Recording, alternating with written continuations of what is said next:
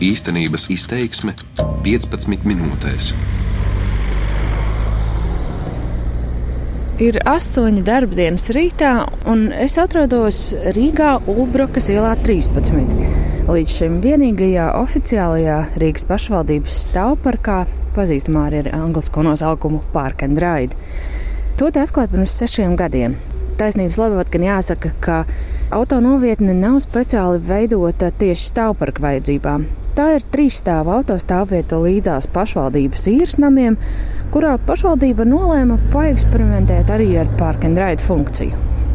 Princips vienkāršs. Ja iebraucat Rīgā un nevēlaties braukt uz centru ar auto, varat atstāt to šeit, reģistrēt divus braucienus sabiedriskajā transportā, un par stāvparku izmantošanu nebūs jāmaksā.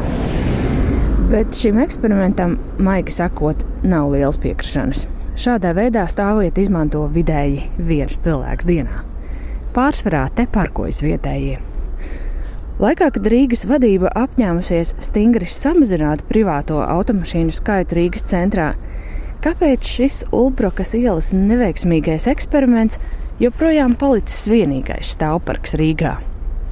Mans vārds ir Māra Rozenberga, un par to arī šodienas raidījums īstenības izteiksme. Tātad mēs rēķinamies, ka pirmā apjomā tas varētu būt ap 300 līdz 400 mašīnām. Jo... Tik optimistisks bija toreizējā vicemēra Andra Amerika aplēses Latvijas televīzijai Ulbruks ielas stāvparka atklāšanā 2012. gada decembrī. Diezgan drīz gan atklājās, ka šī stāvvieta kā park and ride izmantota vien ap 300 reižu vesela gada laikā. Arī nākamajos gados cipari nav daudz mainījušies. Protams, ka viņu kā parku un rādi izmanto ļoti maz, jo tas mezglojums, kas ir blakus šeit stāvvietā, viņš jau ir gana slikts, lai viņu pēc tam tiešām kāds pārsās uz turiem. Rīgas satiksmes runas vīrs Viktors Zaķis šodien nemaz neslēpja, ka jau sākotnēji uz aktīvu Ulbrokas ielas stāvparka lietošanu lielas cerības nav liktas. Lai gan 2012. gada nogalē pati Rīgas satiksme savā mājaslapā ziņoja, ka darbu sāk pirmā pārkendraida autostāvvieta, tagad Zaķis uzsver, Plāns bijis vien pārbaudīt etalonu funkcionalitāti ārpus sabiedriskā transporta, jo radusies tāda iespēja jau uzceltā, bet pustukšā daudz dzīvokļu namu stāvvietā. Šī stāvvieta netika celta priekš parku un raidu. Viņa tika pielāgota šim parku un raidu, lai pārbaudītu sistēmu. Tas tiešām es gribu to uzsvērt, lai neizskan tā, ka šī stāvvieta speciāli priekš tā tika būvēta. Tā nav. Uh, Tad, tas, tādu ko... īstu parku un raidu to pat nu, īstenībā nevar saukt. Nekādā ne? gadījumā, mm. nekādā gadījumā viņi nevar saukt par parku un raidu. Vienīgais, kāpēc viņi var saukt, tāpēc, ka tā ir pirmā vieta, kur vienkārši šīs funkcionalitāte kā tā tiek pārbaudīta. Jo principā parku un raidu arī Rīgas satiksmes uztverē ir darbojies pa īstam tur, kur ir tiešām kārtīgi samazglojumi. Pamatā vis, vis, vislabāk tas darbotos noteikti pie tramvajiem. Tramvajs ir ātrāks. Lai ātrāki būtu arī autobusi un trolēbusi, savukārt būtu jāaudzē sabiedriskā transporta joslu skaits pilsētā, uzsver Zāķis. Atklājot Ulbrukas ielas stāvparku, toreizējais vicemērs Amerikas pauda apņēmību līdzīgu stāvvietu attīstīt arī pie tirdzniecības parka dole, gar kuru iet tramvajs. Taču rīcības nebija. Un, nu, labi, jūs iztestējāt to sistēmu Ulbrukas ielā, secinājāt, ka viņa strādā. Mhm. Kas notika tālāk? Jums bija no pilsētas kāds piedāvājums viņu tālāk kaut kur atkal izmantot? Nē, pagaidām nav man tāda informācija, ka mums būtu bijis kaut kāds tālāks. Nē. To, ka autobraucējiem patīk atstāt auto ērtās vietās blakus ātruma sabiedriskiem transportam, praksē apliecina Tirdzniecības centra Alfa gadījums teikā. Es esmu Andris Kubličovs, Līnstovs centra menedžmenta projekta direktors. Precīzi pētījumi mums nav, kā tas ietekmē tirniecības centrus, bet bija novērota tendence kaut vai pie tā paša tirniecības centra Alfa, kur atstāja cilvēki ilgstoši savas automašīnas, un kas ir varbūt nedaudz paradoxāli un neveikli arī priekš tirniecības centra, ka tās automašīnas bieži vien tiek novietotas ērtākajās vietās, un tad viņi tur stāv veselu dienu. Tādēļ Alfa ieviesa četru stundu stāvēšanas ierobežojumus. Pēc Kublačeva teiktā, tas neformālā stāvparka problēmu ir mazinājis. Tomēr viņš kā eksperts, kurš pats savulaik strādājis pilsētas attīstības departamentā un vada arī Latvijas teritoriālu plānotāju asociāciju, atzīst, stāvparku ieceres līdz šim virzītas stipri lēni. Katrai tēmai ir vajadzīgs šis viens čempions, kurš virzītu uz priekšu ar karogu, jā, ka tas ir tas, ko mums vajag. Ja mums vajag velosipēdus, virzām būs, kas ir, ir kas viņus virza, tad viņi arī attīstīsies. Tas pats būs vienalga vai par ceļu būvniecību vai par satiksmes ierobežojumiem. Un šai gadījumā tāds stāvparka attīstības čempions īsti nav bijis. Visas skrata galvas gan pašvaldībā, gan it kā sabiedrībā, transporta speciālisti, jā, vajag, bet neviens tā īsti neuzņemās, jo saprot, ka tas būtu zemes gabals, kas cilvēkiem, šiem lietotājiem, faktiski būtu jādod gan izvēle bezmaksas lietošanā. Lai gan bijušais Rīgas vicemērs Andris Amerikas vēl pirms gada Latvijas televīzijā klāstīja plānus par sadarbību ar lielveikaliem stāvparku lietā. Jo, jo arī lielveikaliem tas ir izdevīgi. Nu, tomēr tā iepirkšanās eh, notiek. Linstopa pārstāvis Kubličovs teica, ka konkrētu sarunu ar pašvaldību nav bijis. Stāvparki ir pieminēti vairāk vai mazāk garām ejot kā ideja, bet nekad tas nav bijis tā ar kāds konkrēts piedāvājums, jā, ka pašvaldība gribētu nomāt vai ka mēs ar konkrētu cenu gribētu kaut ko piedāvāt. Tik tālu nav bijis. Kubličova ieskatā risinājumi varētu būt dažādi.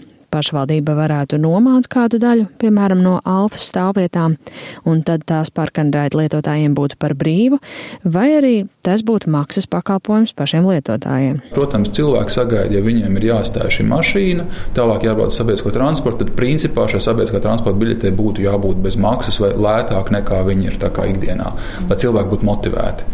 Mūsu motorizētai sabiedrībai tas ir diezgan grūti pieņemams faktors. Jā, jā. Ko, ne? jā, es esmu Sigita Šulca. Strādāju Rīgā, Rīgas centrā valsts pārvaldē. Katru dienu uz darbu braucu no Līgatnes, turpat pakaļ jau gadus desmit. Kādreiz braukusi arī ar autobusu, bet kopš darbam centrā ir bezmaksas stāvvieta, pārkāpusi automašīnā. Tam gan ir citi trūkumi. Tā, kad mēs jau rēķinamies, mēs braucam ļoti agri, lai nesanāktu sastrēgumu. Nu, šodien ir vēls, Sigitas automašīnā pulkstenis rāda 8 no rīta. No Līgatnes līdz Rīgai ir aptuveni 30-35 minūtes. Nu, kāda ir ceļa apstākļi, ko braukt. Bet tālāk līdz centram, līdz darbam man sanāk 40 minūtes. Tā kā vairāk kā puse no ceļa iznāk braukt pa Rīgu. Vai Sigita izmantotu stāvparku pilsētas nomalē, ja tāds būtu? Viss ir atkarīgs no tā, kā tiek tālāk. jo šobrīd tas sabiedriskais transports ir brīžiem tāds, kurā pirmkārt kāpt iekšā negribās. Otrs ir tas, cik tas maksā. Tie, kas nav rīznieki, nu, es šobrīd esmu students, tad man tas būtu ļoti izdevīgi. Bet, nu, tad, kad es neesmu students un braucu no ārpus Rīgas, tad man īstenībā tas krietni dārgāk iznāk. Un uh, otra lieta, ko es labprāt izmantotu, ja būtu, piemēram, velo in infrastruktūra laba līdz tai vietai, kur var atstāt to mašīnu, man patiktu, piemēram, tādā labā laikā, un iespējams ziemā, es nezinu, es esmu sportiska, man ļoti patīk. Braucējs tikai bez... Jā, es bez tiesībām. Vai nu sabiedriskais transports jau no Siguldas? Uz darbu Rīgā Sigita ved arī kolēģi Pēteri Veģi.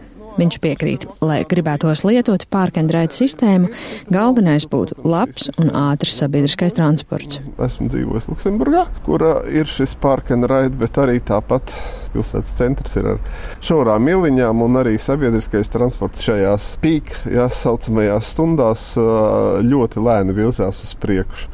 Tā kā ir jāpārdomā tiešām sabiedriskā transporta plūsma, ja organizē šādā veidā. Par vajadzību Rīgas nomalēs veidot stāvparkus, kas mudinātu iebraucējus pārsēsties sabiedriskajā transportā, ietaupītu par maksas stāvvietu, mazinātu sastrēgumus un uzlabotu gaisa kvalitāti pilsētā, tiek runāts jau vismaz kopš 2000. gadu sākuma. Lūk, ko saka šī brīža Rīgas attīstības plāns. Pirmā un svarīgākā ir pilsētas nozīmes autonovietņu izveidošana, kura sevi ietver lielas ietilpības autonovietnes ap dzelzceļa loku, ietilpību līdz 1500 automobīļu un parku un raidu stāvvietas pie pilsētas robežas, orientējošā ietilpība līdz 6000 automobīļu. Bet te fragments no satiksmes ministrijas pasūtītā Rīgas un Pierīgas mobilitātes plāna pirms desmit gadiem. Sekmīga stāvparku ieviešana Rīgā ir iespējama vienīgi tad, ja tiek veiktas attiecīgās investīcijas sabiedriskā transporta braukšanas priekšrokas nodrošināšanas sistēmās pie luksuforiem un infrastruktūrā maršrutos, kuros rodas sastrēgumi. Rīgā ieteicams sākt stāvparku ieviešanu ar nelieliem eksperimentāliem stāvparku projektiem. Šis plāns ieteica pirmos stāvparkus izveidot Dreiliņos un rajonos pie tirdzniecības centriem Alfa, Dole un Spīce. Praksē nekas no tā nav īstenots, bet tagad iespējams lietas varētu mainīties. Desmit gadus pie varas esošais Rīgas mērs Nils Ušakovs no saskaņas pērnrudeni paziņoja, ka ķersies pie centra atslogošanas no auto un talkā sauks pazīstamos Dāņu pilsētu plānotājus no Jana Gēla arhitektu biroja. To, mums tiešām ir ļoti būtiski samazināt mašīnu skaitu. Mums, ja mēs runājam par izaicinājumiem, ja mēs runājam par dzīves kvalitāti, tad tā arī būtu vērts atcerēties, ka pilsētas centra iedzīvotāju skaits pēdējo gadu laikā ir samazinājies divreiz. Līdz ar to centrs zināmā mērā ir pārvērties pa vietu, caur kuru brauc. Bet tomēr cilvēki uh, tur negrib dzīvot. Tad ko īsti pašvaldība šobrīd dara, lai autobraucējiem būtu ērtāk atstāt spēkratus ārpus centra? Satiksmes departamentā Latvijas radio atbild, ka stāvparku ieceres nav viņu kompetencē un sūta uz pilsētas attīstības departamentu. Ar ko man būs tas gods runāt? Ar Ilzi Purmali. Ilze Purmale ir departamenta direktora vietniece un pilsētu vides attīstības pārvaldes vadītāja. Par to, kādā stadijā mēs ar stāvparkiem esam teiksim, tā, mēs ejam ļoti secīgi, es domāju, un soli pa solim mēs tiešām tuvinamies tā īstenošanai, jeb stāvparku sistēmas ieviešanai. Par ātrumu gan šo tuvināšanos nenosauksi, jo attīstības departamenta plāni par stāvparku ieviešanu runā jau gadiem. Purmāls skaidro, ar stāvparkiem vieniem pašiem nepietiek. Ir jābūt sazobēji ar sabiedriskā transporta plāniem, un ne viss ir tikai pilsētas attīstības departamenta kompetencē. Tagad top atkal jauni dokumenti. Šobrīd mēs strādājam pie jaunā Rīgas teritorijas plānojuma 30. gadam, un tā ietveros tad arī mēs pasūtījām izpēti, kas saucās Rīgas autostāvvietu politikas un attīstības koncepcija, kuras ietveros bija arī izstrādāts stāvparku attīstības plāns. Un tas paredz ieviest stāvparku sistēmu piecos etapos. No 27 piedāvātajām vietām 17 atrodas uz pašvaldības zemes, un 7 no tām stāvparks varētu iekārtot jau līdz 2025. gadam. To paredz pašlaik topošais dokuments ar sarežģīto nosaukumu Rīgas transporta sistēmas ilgtspējīgas mobilitātes programma. Tieši tā izstrādē Rīgu konsultē Gēla birojas. Tās septiņas vietas, kuras ir izvēlētas pamatā tieši arī ar tādu skatījumu, ka viņas ir uz principā visiem galvenajiem ievadiem, kas ved uz centru.